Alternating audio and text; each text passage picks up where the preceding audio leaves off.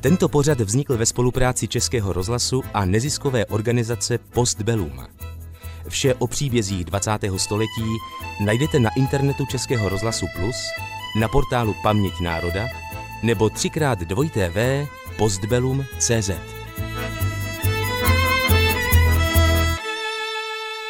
Před jedenácti lety jsem na jednom sídlišti na okraji Prahy navštívil 93-letou Libuši Nachtmanovou. Měla za sebou vojenský odboj za druhé světové války, výslechy na gestapu v Pečkově paláci, koncentrační tábor Ravensbrück. Na setkání s Libuší nejde zapomenout. Když jsem zazvonil u jejího bytu, dlouho jsem čekal, myslel jsem, že není doma, i když jsme se domlouvali. Už jsem odcházel – když mi otevřela drobonká stařenka pohybující se velmi pomalu s pomocí čtyřnohé opěrky na kolečkách. Velmi často se setkáváme se starými lidmi a někdy to bývají taková obtížnější setkání. Často si nepamatují, kdože to jste a co chcete, jsou náladoví, někdy až nevrlí. Libuše Nachtmanová se usmívala a srdečně mě zvala dál. Musím říct, že tak báječnou, milou a veselou starou dámu jsem snad ještě nepotkal – Zemřela velmi krátce po tom, co jsem se s ní setkal.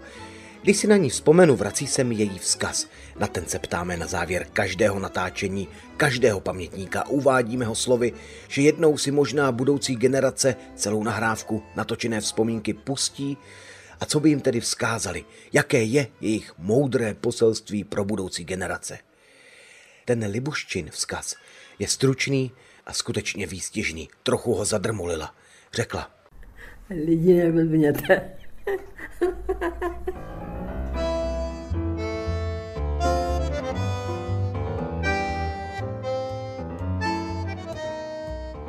Skazuje Libuše Nachtmanová, rozená Mariánová, jejímž příběhem vás od mikrofonu provází Mikuláš Kroupa. Libuše Nachtmanová hovořila plyně několika cizími jazyky. Sem tam si při natáčení nemohla vzpomenout na český výraz a tak prostě použila německý. Vyrůstala totiž v Sudetech, v Roudnici nad Labem, kde se běžně mluvilo oběma jazyky. A také v Němčině maturovala na reálném gymnáziu. V roce 1938 bylo to zrovna v té pohnuté době před Mnichovem. A Němčina tedy byla povinným jazykem na, střední, na středních školách českých a zase čeština byla povinným jazykem na německých středních školách. Dnešní pamětnice začala své vyprávění právě tím, že kdysi bylo mezi Němci a Čechy stejné přátelství, jako je vlastně dnes. Nikdy si nemyslela, že proti nim bude bojovat. Chodili české děti do rodin německých a zase německé děti chodili do českých rodin. Taky takhle jsem dva, po dvakrát byla u, v Liberci u pana učitele Dietricha v rodině, protože měl dcerku stejně starou, jako jsem byla já, tak tam mě uvedla do té společnosti německých studentů středoškoláků, takže jsem měla velkou příležitost německy naučit. Potom v Mnichovu utíkali, jak jsem říkala, i Němci protože ne, nebyli všichni nacisti, nebyli všichni Henleinovci. Tak jsem potkala na Karlově náměstí právě pana učitele Dietricha s celou rodinou, s manželkou, s dcerou Ulou, Ursulou a i s babičkou. A utíkali taky před nacisty z toho Liberce. To bylo v době, kdy v Mnichově zpřátelené země rozhodli, že Československo odevzdá své pohraničí nepřátelskému Německu. Podle Hitlera tady byli Němci utlačovaní. Libuše Nachtmanová bývala nadšenou skautkou a sokolkou. A tak v době před Mnichovskou konferencí a po ní se tak jako její přátelé z těchto mládežnických organizací začala připravovat na válku. Kurzy na obranu státu, zdravotnické kurzy byly, ta civilní obrana to bylo vlastně jako proti chemické válce a to jsme my mladí jako skautka a jako sokolka jsme všichni se toho zúčastňovali, ale nejenom my mladí, i, i naše malinky chodili na ty kurzy, prostě celý národ se chystal na obranu. V době, kdy maturovala a nastupovala na vysokou, četla děsivé zprávy z novin. Hitler urážel Čechy, okolní země se obávaly války a ustupovali mu. Okopávání Čechoslováků burcovalo studenty, kteří demonstrovali. Vyzývali Benešek ostřejší reakci. Buďte klidní, buďte rozvážní, uchovejte si pevné nervy. Jděte klidně za prací svého denního povolání, to především potřebuje od vás vaše vlast. Tak to je projev prezidenta Beneše z 10. září 1938, 20 dní před Mnichovskou konferencí. Tehdy jsme si mysleli, že jsme se měli bránit, protože taky jsme říkali, dejte nám zbraně, dali jsme si na ně. To všechno nadšení samozřejmě splasklo a když se na to podíváme potom po, vále, po válce, tak by byli nás zničili, jako zničili všechny ty, kudy protáhli Evropou, e, Němci, že jo, nacisti, Polsko, Varšava zbouraná. Takže nevím, zase po válce jsme si říkali, že snad bylo dobře, že jsme to vzdali, že jsme uchovali národ. Někdy si říkám, mělo se jít do toho i za tu cenu zničení, že by se uchovala čest. Československo ztratilo celkem 41 tisíc kilometrů čtverečních a skoro 5 milionů obyvatel ve směs německé, polské a maďarské národnosti. Hitler byl, jak se říká, na koni. Věděl, že Evropa bude jeho. Bojí se ho a nic proti němu neudělá.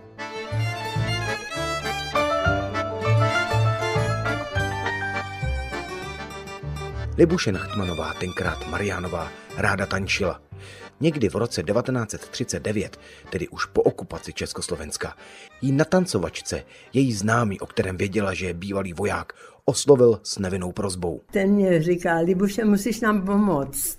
Jak se jmenoval ten člověk? No to je právě to, já mám dojem, že, že se jmenoval Rozham nebo nějak tak, ale už, už to opravdu nevím.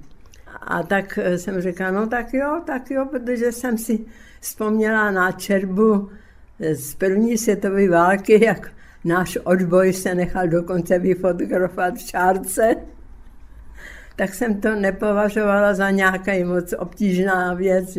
No bože můj.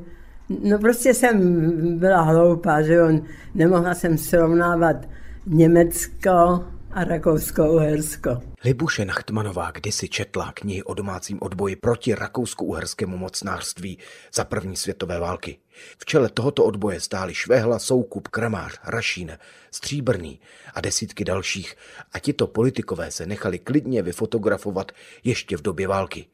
Libuše díky tomu měla zkreslené naivní představy, když vstupovala do tajné vojenské organizace obrana národa, kterou založili českoslovenští důstojníci hned na začátku druhé světové války. Do odbojové skupiny byl ten člověk přizván. To znamená, že mě musela ta odbojová skupina vyjádřit víceméně důvěru, že mě, tím, že mě přijala do, do, do té odbojové skupiny. Jistě váš bystrý sluch zaznamenal, že tady paní Nachtmanová mluví trochu jinak, jiným hlasem.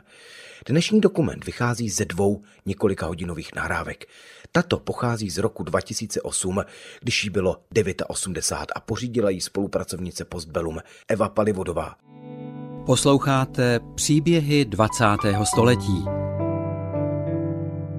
Naše armáda šla do ilegality i ze vším všudy, i s vybavením. To znamená vysílačky, foto, tiskárny, s tím vším šla do, do, do, do, do ty ilegality a jako ilegální skupina tam bylo potřeba i práci žen, byly prostě, ženy byly zapotřebí, tak e, třeba s, když ty muži bydleli ilegálně v rodinách, ale nemohli tam být dlouho, protože zase ty neznali se nájemníci v tom činžáku, jestli je někdo, aby je udal nebo ne, tak když ty lidi říkali, že to jsou příbuzní, tak na mě nemohli ty příbuzní tam být trvale, že jo. Mm. Tak po týdnu se museli, tak, tak my, ženy, my děvčata, jsme jako pár večer ho převáděli do jiné rodiny. A tím to bylo nenápadné, protože mm-hmm. na eh, páreček večer nebyl nápadný, takže takhle se to převáděli do rodiny. To zní, jako by o nic nešlo. Dívky vyzvedly odbojáře v jejich ukrytech a zavěšení jako milenci kráčeli městem do jiného bytu k dalším odbojářům. Za to byl ale trest smrti, v lepším případě koncentrák. A to nejen pro samotného odbojáře, ale pro celou jeho rodinu. A výhrušky se týkaly i každého, kdo by odbojáře neudal. Poslechněte si, co vysílal protektorátní rozhlas. Je válka a tak v těžkém boji není schovývavosti proti těm, kdož by napomáhali nepřáteli. Znáte, že Němci dovedou držet slovo, ale dovedou i přísně trestat. Ten, kdo by nečně přihlížel a vyčkával, byl by v takovém případě označován vámi za pomáče neštěstí a za nepřítele vašich rodin, vašich dětí a vašeho majetku. Obrana národa měla poměrně rozsáhlou síť spolupracovníků. Vlastenci sbírali špionážní informace a pomocí vysílaček je předávali do Anglie československému spravodajskému oddělení. Měli mezi sebou spolupracovníky na německých úřadech, ukrývali zbraně, měli důvěryhodné převaděče přes hranice. Stovkám mladých lidí pomohla obrana národa dostat se ke spojeneckým jednotkám. Členové tohoto vojenského odboje byli i slavní tři králové, Mašín, Balabán a Morávek. Gestapo a SS zuřili. Po městech jezdilo speciální auto radiové zaměřovací služby Funkmeštele, vyhledávající domy, odkud se vysílalo. A sem tam velitel SS Fleischer a gestapa Panvic slavili úspěch. Buď odbojáře zaměřili nebo vymlátili ze zatčených další jména. Každý odbojář věděl, že výsledek gestapa, například v Pečkově paláci v Praze, kde sídlila nacistická policie, je to nejhorší, co si vůbec člověk může představit. To jsou záležitosti gestapa, tak to víte, že to z lidí chtěli dostat, ty přiznání, takže použili lecos. Vlastně, kdy jste se začala opravdu bát? Když začali, zača, začali zavírat, když zavřeli Emu Ambrušovou. To zavřeli na jaře a mě až na podzim. A, a ten půl roku, to už jsem se bála, protože to už mizeli lidi z toho odboje. A s paní Ambrušovou jste se znala nějak předtím? Výdali jste se kamarádem? Ano, já, já jsem se s ní znala předtím. A vy jste spolu tedy se setkávali v, nějak v Praze nebo? Jo, to v Praze jsme se setkávali, protože jsem byla s ní, s ní známá, ale teprve po válce jsme se pořádně kamarádili. Před tou válkou ani tak moc, moc nemoc. Jo, Emilka taky už umřela.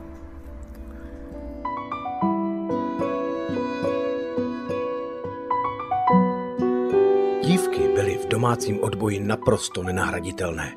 Gestapo toužilo po úspěších a vrcholem bylo odhalit vysílačku a do vyšetřoven dostat stovky lidí. Na začátku války měla obrana národa radiospojení prostřednictvím několika vysílaček. V roce 1941 už zbyla poslední s krycím jménem Sparta, kterou používali praští radiotechnici k odvysílání nejdůležitějších zpráv od Morávka a tajného agenta Reného.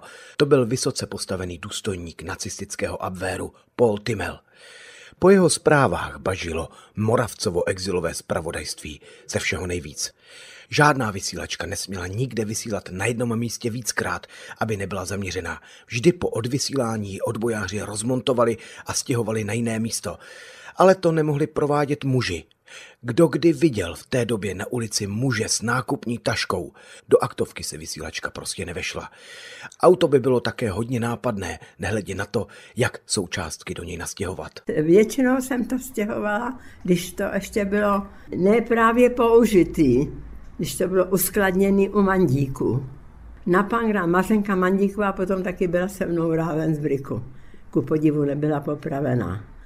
To jsem tam přišla a ona mě to dala do tašky, i, i nějakou tu zeleninu nebo ten brambor na to a, a já jsem potom jela tam na to místo, kde se to mělo zmontovat e, celá ta vysílačka ale do těch, do těch jinohnic tam To jsem zrovna já nebyla, co to tam stěhovala. Ovšem já jsem to nebyla sama, co to stěhuje. To bylo víc těch děvčat. V Jinonicích v budově akcízu, tedy celního úřadu, vysílala Sparta 3. a 4. října 1941. Na místě byl radiotelegrafista Jindřich Klečka, pomocníci Antonín Němeček a Otto Linhardt, i 18-letý syn místního celníka Miroslav Prokop, i jeho otec. Gestapo po mnoha týdnech marného pátrání zaměřilo Jinonice. Dům akcízu stojící osamoceně v polích na kotě 314. Kolem půlnoci obklíčilo jinonický akcí z přepadové komando gestapa pod velením komisaře Dietmara Bingela. V hlášení gestapa, popisující průběh celé události, můžeme číst. Překvapená obsluha, dva bývalí čeští vojáci a asi 18-letý syn celníka Prokopa zatčeni. Inspektor finanční stráže Karel Prokop se zachránil útěkem z budovy, radiotelegrafista Jindřich Klečka spáchal v bezvýchodné situaci sebevraždu a tím unikl zatčení. Tajná vysílačka se ještě nacházela pod proudem a byla zajištěna. Posloucháte příběhy 20. století. Libuše Nachtmanová se zmínila o rodině Mandíkových. Právě k ním chodila pro vysílačku. Tady dostávala úkoly, koho, kde a co má vyzvednout a podobně. My to brali opravdu jako takovou povinnost, když, když můžu, tak to udělám. Ale byli jste si vědomí toho, co vás může potkat? Nejdřív ne, pak jo. Když vám to říkám, že jsem četla o Rakousku-Uhersku, o odboji, to za Rakouska-Uherska to, byla, to bylo divadílko proti tomu Německu. A Mandíkovi říkali vám něco, nějaké, řekněme, rady, jak se chovat eh, třeba při výslechu nebo... Ano, ano, to, to jsem byla poučená a taky jsem to použila. No řekli, podívej se, když budeš říkat ne, ne, ne, tak, tak tě budou mlátit a všechno dělat. Tak to musíš nějaký napůl přiznat, ale tak, aby si nikomu neublížila. Ještě se dostaneme k tomu, co po ní gestapo chtělo a jak na jejich otázky odpovídala. Mantíkovi patří mezi vlastně docela početnou společnost vlastenců, kteří pomáhali vojákům, parašutistům z Anglie, převaděčům, někoho nebo něco pro odboj ukrývali. Jsou to stovky obětavých a nesmírně statečných rodin, které dnes už skoro nikdo nezná. Možná si vybavíte Gabčíka Kubiše, ale rodiny, které pomáhali a riskovali své životy, už ne. František Mandík, legionář z první světové války, později úředník ministerstva obrany, byl za odboj popravený. Před nacisty Mandíkovi předstírali spořádané a loajální občany, kteří si hledí své práce a koníčku. Mandíkovi měli v Božetěchově ulici Holubník, kam František chodíval rovnou z práce. Jak se asi gestapo divilo, když zjistilo, že to byla jedna z předních odbojářských rodin. V bytě Mandíkových přespávali členové odboje – Paní Mandíková roznášela podpory rodinám, kterým Němci odvlekli muže do koncentračních táborů nebo je popravili. Mandíkovi působili v ilegální organizaci Kapitán Nemo, založené hned po 15. březnu 1939 Karlem Nejedlým, bývalým šifrantem Ministerstva zahraničních věcí. Když byl zatčen správce kostela svatého Václava ve Vršovicích, kde se v zákristii scházelo vedení pražské organizace NEMA, přenesla skupina na nějaký čas aktivity přímo k mandíkům. Skupina pomáhala kapitánovi Morávkovi, vystupujícímu pod jménem Leon. Jeden čas právě od mandíků dokonce vysílala Sparta tajné depeše. Jaký byl jejich obsah? To je strašně různé. O vojenských posádkách, přesunech vojsk, zbraních, o náladě v protektorátu. Hodně odbojářů počítalo s tím, že válka nemůže trvat dlouho a ten, kdo ji začal, ji také pěkně rychle ukončí. Počítalo se taky, že v Německu bude revoluce, že i ty Němci toho budou mít dost, protože jejich noviny byly plný oznámení, co padly na frontách. No hlavně na ruské frontě v ty zimě, že v těch mlazech. Hmm. Tak se čekalo, že sami Němci do toho budou, že toho budou mít už dost, že se toho Hitlera a toho nacismu zbavějí. A ono, kolik atentátů bylo na toho, na Hitlera, ta generalita už toho taky měla dost. To nebylo zase taky jen tak si poštvat celou Evropu a celý svět. Zase se pletli. Válka byla v plném proudu a dnes víme, že úvahy, které tenkrát odbojáři vedli někdy v letech 1939 až 41, byly jen zbožným přáním. Němci dobře věděli, že obrana národa je vedená bývalými československými vojáky, že proti nim kují pikle, sokolové a skauti. Do organizací nasadili špehy, pomalu mapovali, kdo stojí v čele, kdo je na obranu národa napojený. Věděli o generálu Ingrovi, generálu Bílém a o generálu Vojcechovským. Pak přišel úder. Tvrdý a najisto, a to ve dvou vlnách, na podzim roku 1939 a v únoru 1940. U některých vojáků našlo gestapo dokonce jmené seznamy. Jak naivní tito lidé byli. Vedli si posádkové knihy, jako by jim nic nehrozilo. Zatčení odbojáři byli mučení. Někteří naštěstí gestapu unikli. Včas se ukryli nebo utekli přes hranice. Toto ji vlastně víceméně zlikvidovali a protože tam byli, pracovali i lidi nevojáci, tak ty vojáci spíš nějak byli dřív, eh, dřív zavřený, protože oni si ty, že věděli ty, ty eh, papíry od, jedn, od těch jednotek, věděli, kdo kde na ty vojně byl, tak si tam zatím šli, protože ta obrana národa, ta operovala hlavně venku, ne, nejenom v Praze. Obrana národa po prvním zatýkání nezanikla. Stovky československých důstojníků dál operovali v mnohem utajenější podobě. Žádné seznamy, nikdo neznal celou síť. Každý odbojář znal jen ty nejbližší, se kterými spolupracoval.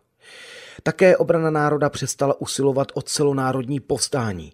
Vojáci prostě zjistili, že na to nemají hlavně zbraně. A pak se stalo něco hrozného. V září roku 1941 nastoupil jako říjský protektor Reinhard Heydrich. Hitler byl nespokojen s dosavadním von Neuratem, podle něj mírný a neschopný se vypořádat s československým odbojem. Heydrich, třetí muž říše, mocná kreatura, tvůrce děsivého plánu vyvraždění židů, velitel hlavního úřadu říjské bezpečnosti, přišel s metodou, jak se říká, byče a cukru. Kdo je loajální a pracující dělník, bude mít výhody, peníze, dovolenou, poklidný život. Kdo bude zlobit, ten zemře v hrozných mukách ve vyšetřovně gestapa, na popravišti nebo v koncentráku. Heidrich nechal hned, jak nastoupil na Pražský hrad, v rámci staného práva pozatýkat stovky důstojníků bývalé československé armády a nechal je popravit. Další údery přicházely v průběhu celého roku 1941. Mandíkovi, Libuši Nachtmanová a všichni kolem si uvědomili, že teď jde o život. Ona, ona to neříkala, ale já, já jsem mi to říkala. Já jsem se bála. Já jsem se potom bála, protože mm, když, když už jsem byla vyslíchaná jednou, při prvním výsechu jsem nebyla. Mě, mě gestapo zase pustilo, až teprve za týden při tom, při tom druhém. Teprve nějak si dávali dohromady, jak to je. Gestapo se dostalo i na skupinu Nemo, tedy na lidi, kterým Libuše pomáhala. Kdo z nich ve vyšetřovně první vyřkl její jméno, se nám nepodařilo zjistit a ani sama Libuše Nachtmanová ho nezná. Faktem je, že mnoho o ní asi nevěděli. Zatkli zdá se jen proto, aby si ověřili její jméno, kde žije a že pracuje v německé pražské firmě. Výslech trval ani ne hodinu a odehrál se v Pečkově paláci, v budově, kolem které se ze strachu ani nechodilo. Přišli za mnou do práce, já jsem byla zaměstnaná linoleum Blum na Příkopech a v učtárně. No, protože zavřeli vysoké školy, tak jsem, eh, abych nemusela do Rajchu, tak jsem koukala se dostat zaměstnání v Praze, tak jsem, abych byla zaměstnaná, abych nebyla volná, že jo. Tam přišli, zavolal mě šéf, ten Němec, a teď ty, ty dva nasadili mě do auta a jeli jsme za roh do pečkárny.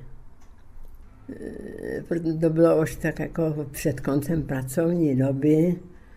Já jsem, já jsem byla sticha jsem koukala, ne, abych, abych nedala nic na sobě hnát, že jo. Nejenom, jenom, oni zjišťovali totožnost, že něco jim nějak vadilo na mě. Ne, ne, něco jim nehrálo. Tak, tak si nejdřív eh, museli teda zajistit tu moji totožnost, že jsem to já opravdu. Tak proto jako říkám tomu, že mě musel někdo při výslechu říct, protože takovýhle postup nebyl obvyklý. No, taky, taky byli jiní, který eh, gestapo je sebralo a zase pustilo. A pak si pro ně přišlo. A vy jste tedy byla propuštěná. A co jste dělala? Kam jste šla? No, šla jsem domů, do, do, do, do ty Ivky. Nešla jste za ostatními mandíkovými? Nebo ne, ne, to jsem nešla, protože to jsem byla celá, jako když mě poleje mrazem a všem. To nebylo pěkný přijít tam do té budovy už jenom. Pečkův palác je ohromná, majestátní úřadovna, vysoké mramorové sloupy, široké schodiště, výtah Páter Noster, novoklasicistní budova, vystavěná v první půlce 19. století, kdysi velkolepý bankovní dům Julia Pečka. Mimochodem to byl člověk, který včas pochopil, co jsou nacisté zač a těsně před válkou utekl s celou rodinou do zahraničí. Takové honosné sídlo se nacistům líbilo. Mělo sklepení, místnosti oddělené silnými zdmi. Tady se dalo týrat, aniž by zoufalý křik rušil ostatní. Na jiných místech bylo zase slyšet dobře a tam na výslech čekali zatčení odbojáři. Libuše Nachtmanová po hodinovém výslechu vyšla v mrákotách. Tušila, že ji čekají poslední dny na svobodě. Bylo to přesně týden. Těžko si dokážeme představit, co asi musela prožívat, čím se zabývala, nad čím přemýšlela. No už jsem na ani nepřemýšlela nic, protože jsem jenom už čekala, jak, jak pejsek určený k zastřelení. To už se nedalo nic dělat. Ani utíkat? Před to, kam? No třeba slyšel jsem, že se dívky vdali a odjeli... Jo, tak, no tak ale kde bych já, když jsem neměla nikoho, kdo by si mě honem vzal do týdne. Protože to ještě bych do toho, do neštěstí přivedla toho muskýho. Při rozhovoru jsem si vzpomněl na Jarmilu Pelčákovou, také z obrany národa. Převaděčka přes hranice, která mimo jiné zachránila svého milého Gustava Svobodu, vojáka, který prchal za hranice k československé armádě. Přivedla ho přes čáru a než se rozloučili, slíbili si, že na sebe počkají a po válce se vezmou. Když Jarmila přišla domů, maminka jí řekla, že je konec. Její otec, také člen odboje, byl právě zatčen gestapem a pro ní si přijdou možná za hodinu, možná druhý den. Nic se nedělo. Pak ale dostali suché oznámení, že otce popravili. Zoufalá Jarmila zastavila na ulici prvního pohledného muže. Řekla, že potřebuje nutně pomoct, ať si ji vezme. Byl to pan Pelčák a souhlasil, že s ní uzavře sňatek jen na oko, bez manželských radostí. Jarmila tak zmizela gestapu, změnila jméno a adresu. Jenomže čekání na milého Gustava bylo dlouhé a jistě složité, když žila s mužem, který ji zachránil a o Gustavovi neměla jedinou zprávu. Nevěděla, jsem sledovaná, nejsem sledovaná. Měla jsem dojem, že jsem, protože jinak mě hrozilo nebezpečí, že jako proskribovaná dcera, že budu muset jít do Rajchu. Vdát se, to byla jediná možnost, to, aby si člověk trošičku zachránil tu hlavu. No tak jsem se vdala, no a ty čtyři děti, naštěstí se mě vydařili. Nejstarší je tedy pilot. Já mám tři piloty v rodině. Ale myslela jsem na něho pořád. Dopovězme tento příběh, kterým sice odbočujeme, ale stojí to za to. Gustav Svoboda válku přežil a vrátil se do Československa pro svou milou Jarmilu. Na její adrese mu sousedé řekli, že se vdala a zmizela. Gustav byl zoufalý, ale čas jeho lásku odnesl. Jarmila zjistila, že přežil, ale styděla se, protože nedodržela milenecké slovo, že na něj počká. A už měla také dvě děti a rodinu. U ní doma ve vesnici jí řekli, že Gustav tu byl, ale nešťastný a zhrzen odešel. Neznámo kam.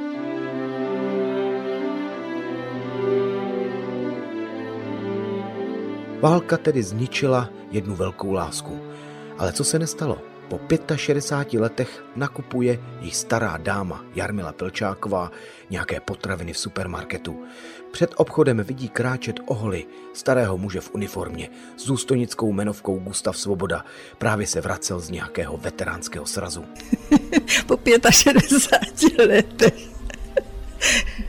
Co tomu říkáte, pane Svobodu? No, to je taková náhoda veliká Tak jednou promile. Pravděpodobnost. Možná ani to ne.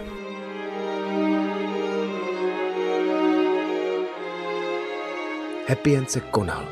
Jarmila se začala o Gustava starat až do jeho smrti v roce 2006.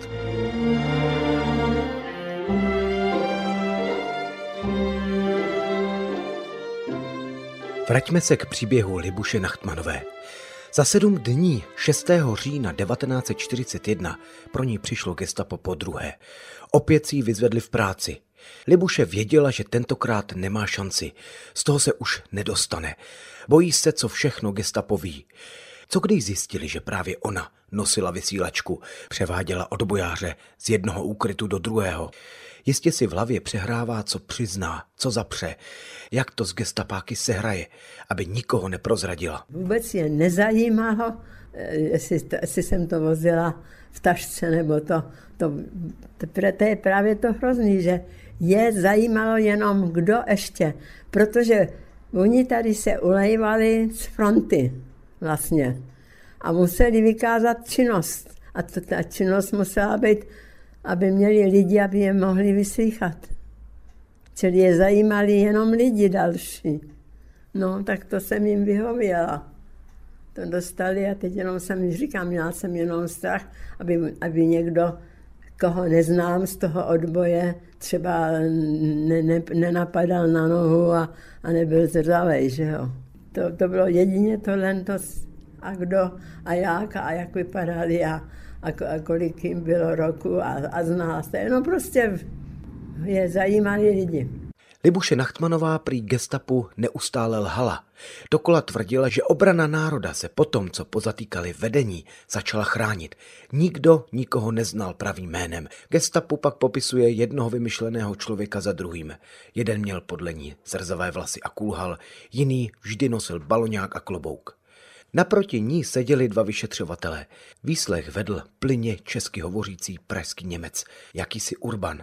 Libuše o něm mluví jako ten můj. Ten Němec druhý, ten byl nějaký buď to řížský, anebo sudecký tam, protože ten mluvil jenom německy a houčlo, foučlo, je takovým nějakým tím dialektem. Ten dělal toho zlýho. Ten můj vytáhl papír a pisátko a ten druhý vyndal ze šuplíka revolver a, a, a stříkačku. No, na injekce.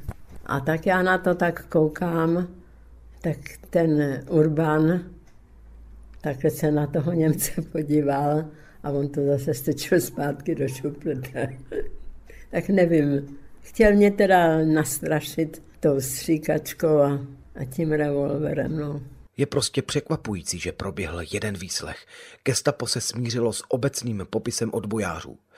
Během prvního rozhovoru v roce 2008 paní Nachtmanová tvrdila, že byla vyslíchaná ještě za protektora von Neuráta a díky tomu neskončila na popravišti, ale v koncentráku. Při druhém rozhovoru jsem se na to ptal ještě jednou, protože zatčená byla v říjnu 1941. Začátkem listopadu téhož roku už vystupovala z vlaku v Ravensbricku, což muselo být za Heidricha. Libuše Nachtmanová se zapřemýšlela a pak řekla, no jo, takže můj gestapák byl přece jenom ten hodnej. Tak asi to byl ten slušnější Urban, já nevím. Prej byli dva. Podívejte se, mě bylo 22 let, holka jsem byla mladá a bála jsem se. Bála jsem se, ne, není pravda, že by člověk nebál. Ale přesto jako šel člověk do toho tvrdě. Zase, abych se, abych bála, abych brečela, já nevím co, ne. to spíš jako, jak říkám, bylo mě z toho tak zima. Prostě mráz po zádech jezdil. To jo. Ale abych jako nějaký, abych brečela nějaký citovky nebo tak, to ne teda. Jsem prostě se muselo jít vpřed. S tím se nedalo nic dělat. Libuši Nachtmanovou asi měsíc drželi ve věznici na Karlově náměstí. Pak vězeňkyni s dalšími převezli na Masarykovo nádraží, připojili k expresu do Berlína další vagón. Večer už Libuši Nachtmanová vystupovala v ženském táboře Ravensbrück. Kde by nás převlíkli do vězenského tehdy ještě. Ještě byly bloky podle národnosti tehdy, čili my měli i český blok. Ravensbrück ležel asi 90 kilometrů severně od Berlína. Když sem ženy z protektorátu přivezli, už tady bylo skoro 9 tisíc vězeňkyň všech národností. Libuše měla číslo 8519. Představte si podlouhlé asi 100 metrů dlouhé baráky s okny, lágr obehnaný dráty s elektrickým proudem, kolem borové a smrkové lesy.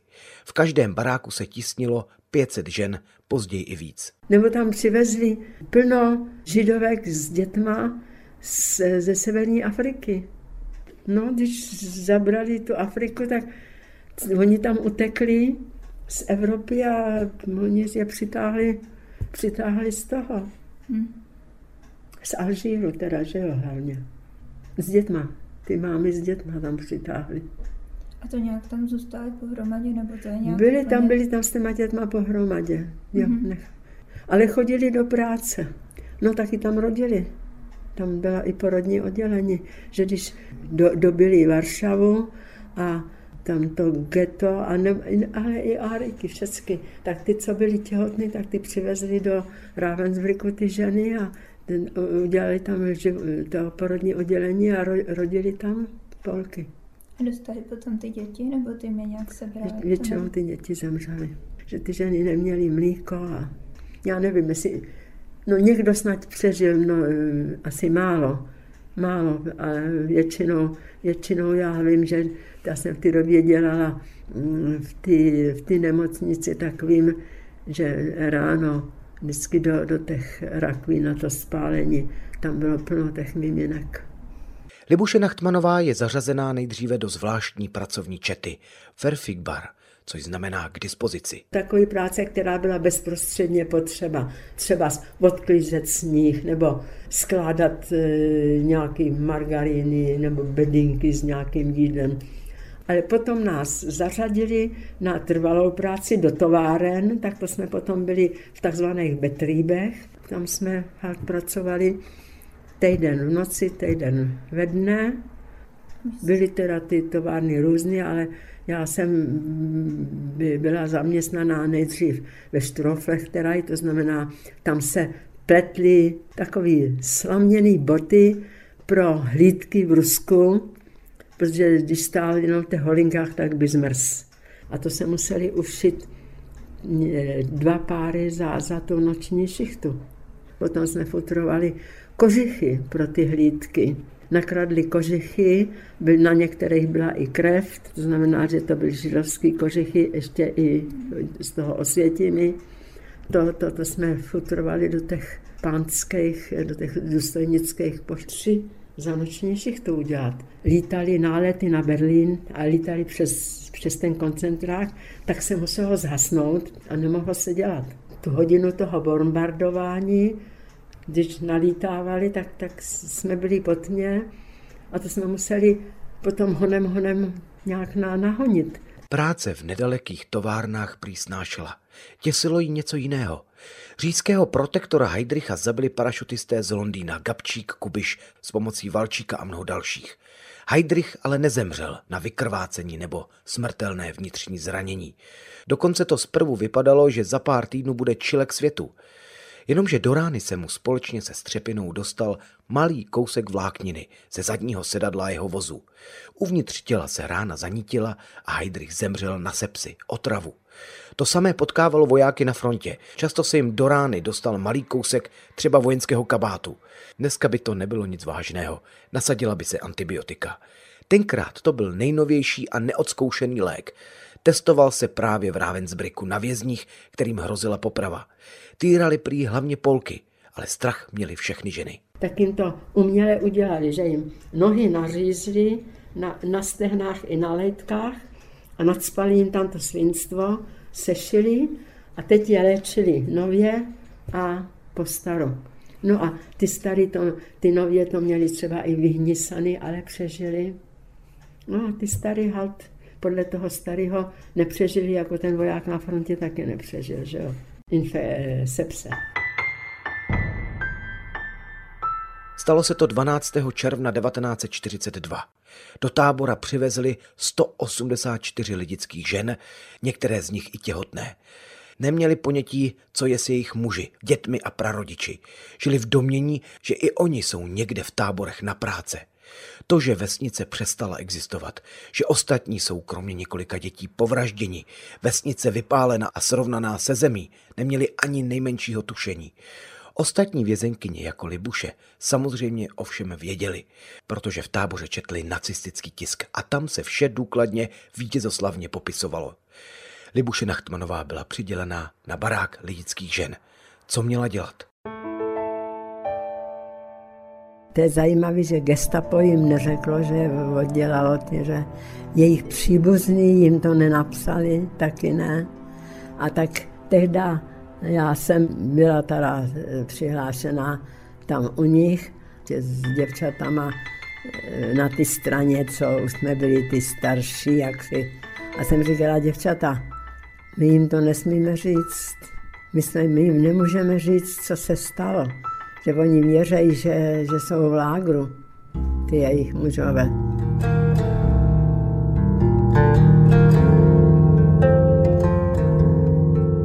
A tak to tak nebrali tragicky, protože my jsme v lágru, oni taky, že jo, tak považovali to za stejný. No. A musím říct, že se říká, že ženský jsou ukecaný, jsme to neřekli nikdy, a když jsem, já byla zaměstnaná v nemocnici, a, tak, a vždycky tam, když přišly cuganky, čili nově příchozí, a byly mezi nimi Češky, protože to jsem poznala z papíru, který jsem dostala, tak jsem vždycky říkala, pozor, děvčata, jsou tady lidicky, neříkat nic. Ale mělo to zase jednu vadu, že když potom se vrátili domů, tak mysleli si, Eh, že se sejdou s těma manželama. Jak... No a teď si představte, oni je vítali na hranicích, dělali vlastně smuteční takovou triznu, holky omdlívali. A já jsem říkala teď kolikrát ty Míle Kalibovi, nebylo to dobře, nebo to nebylo dobře. A ona mě říkala, pane Hlibo, bylo to dobře, že se to neřeklo že ten, oni by byli šli na dráty. Na, a to, že ty dráty byly elektrikou nabity.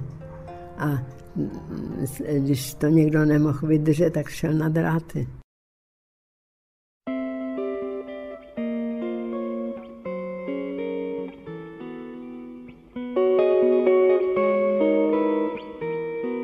I Libuše Nachtmanová se dozvěděla něco, co by mohlo někoho jiného natolik zdrtit, že by neměl v takových podmínkách sílu k dalšímu životu. Její otec Bohuslav zemřel těsně před válkou. Jediného, koho měla, byla maminka Helena Mariánová. Otec ještě před válkou učil v Roudnici nedaleko Terezína snad všechny mladé muže, tedy i všechny místní četníky, kteří se během války stali dozorci v židovském getu Terezín. Maminka Libuše, Helena, která se o tragédii v Terezíně, o utrpení židů dozvěděla, nemohla jen tak přihlížet. Začala přes jednoho žáka svého muže tajně distribuovat do géta léky. Paní lékárníková dala léky, máma je dala tomu známému četníkovi, který tam měl službu v Terezíně a ten ty léky předal na to místo. A pravděpodobně nějaká musela být závist v tom Terezíně, že někdo ten lék dostal nebo ten druhý nedostal, čert ví, jak to tam ta distribuce fungovala, že jo. Tak e, mámu a paní lékárníkovou sebrali. Jestli zavřeli toho četníka, to máma neví, protože ho tam v Terezíně neviděla. V lágru jsem se dověděla, když, ta, když zavřeli paní Čechovou, která mě to řekla, protože přišla do, do Ravensbricku paní Čechová, to měli obchod uhlím v Roudnici nad Lavem, a tak mě říkala, jestli pak, a ona mě říkala po staru, ona, že jo, jestli pak ví, že maminka byla zavřená, já jsem pán nevím. No, kdo, nikdo mě to ne, nezdělil, že jo.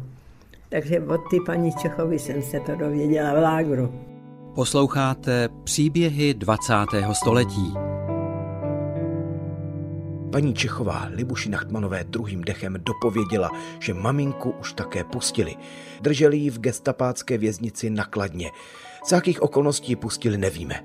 Je ale pravděpodobné, že se tam přece jenom našel slušnější Němec a její propuštění po mnoha měsících zajistil.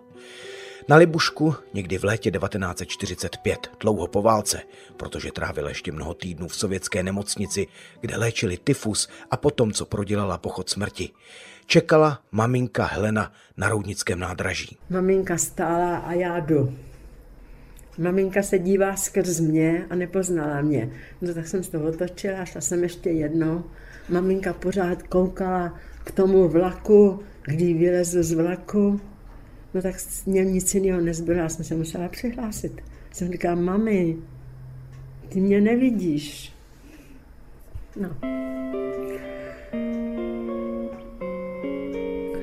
No tak maminka teda mě potom samozřejmě viděla. A ale ještě jedna se stala věc. Šli jsme domů a ona byla zrovna neděle. No tak rovnice byla všecka venku, by, byl, bylo teplo, lidi nás potkávali, ano, protože viděli maminku, věděli, že já jsem v koncentráku, že to, je to malé město, tak každý o každém všecko věděl, že jo. No tak každý mě vítal a odpoledne z Kytici se přihnal můj bývalý spolužák, který byl v našich jednotkách na západě. Bohužel letos zemřel stále byl, byl generál Paroulek, který byl taky e, místopředsedou Svazu bojovníků za svobodu. Jenda. A to také život je takový. No. Je nám líto, že jsme nestihli natočit vzpomínky generála Jana Paroulka. Zemřel po dlouhé nemoci v roce 2008. Libuše Nachtmanová se s ním nestihla rozloučit, když za dva roky potom, co jí dal kytici na přivítanou, sám skončil na 12 let v lágru, ale v komunistickém, za údajnou špionáž a velezradu. Libuše nikdy do KSČ nestoupila, ale mnohé její přítelkyně z nacistického tábora této bestřídní ideologii uvěřili. Já jsem nesouhlasila hlavně se dvěma věcma, a to je diktatura proletariátu a, a třídní boj. Ty dvě věci mě ne, hlavně neseděly. Tam, tam to všechno může být hezký, diktatura proletariátu a třídní boj ne. Tak to byl příběh Libuše Nachtmanové. Na závěr nám dovolte poděkovat těm, kteří nám v práci na paměti národa pomáhají. Poslouchali jste příběhy 20. století. Tento pořad čerpá hlavně ze sbírky paměti národa. Vzpomínky natáčejí lidé ze Združení Postbellum. Tato nezisková organizace potřebuje vaši podporu. Všem, kteří posílají dary, děkujeme. V poslední době nám nejvíc pomohli tito sponzoři. Jan Dobrovský a Petr Pudil, Radek Pokorný, Vratislav Pěchota, Václav Dvořák, Pavel a Bára Brůškovi a firma Cancel.cz. Připojte se i vy. Můžete se stát členem klubu Přátel paměti národa. To jsou lidé, kteří posílají každý měsíc bankovním převodem třeba 100 korunu, jiný i větší částku. Každý podle svých možností. Čím víc vás bude, tím rozsáhlejší bude paměť národa. Přihlaste se i vy. Prosíme, udělejte to na internetu. 3x2 paměť národa CZ.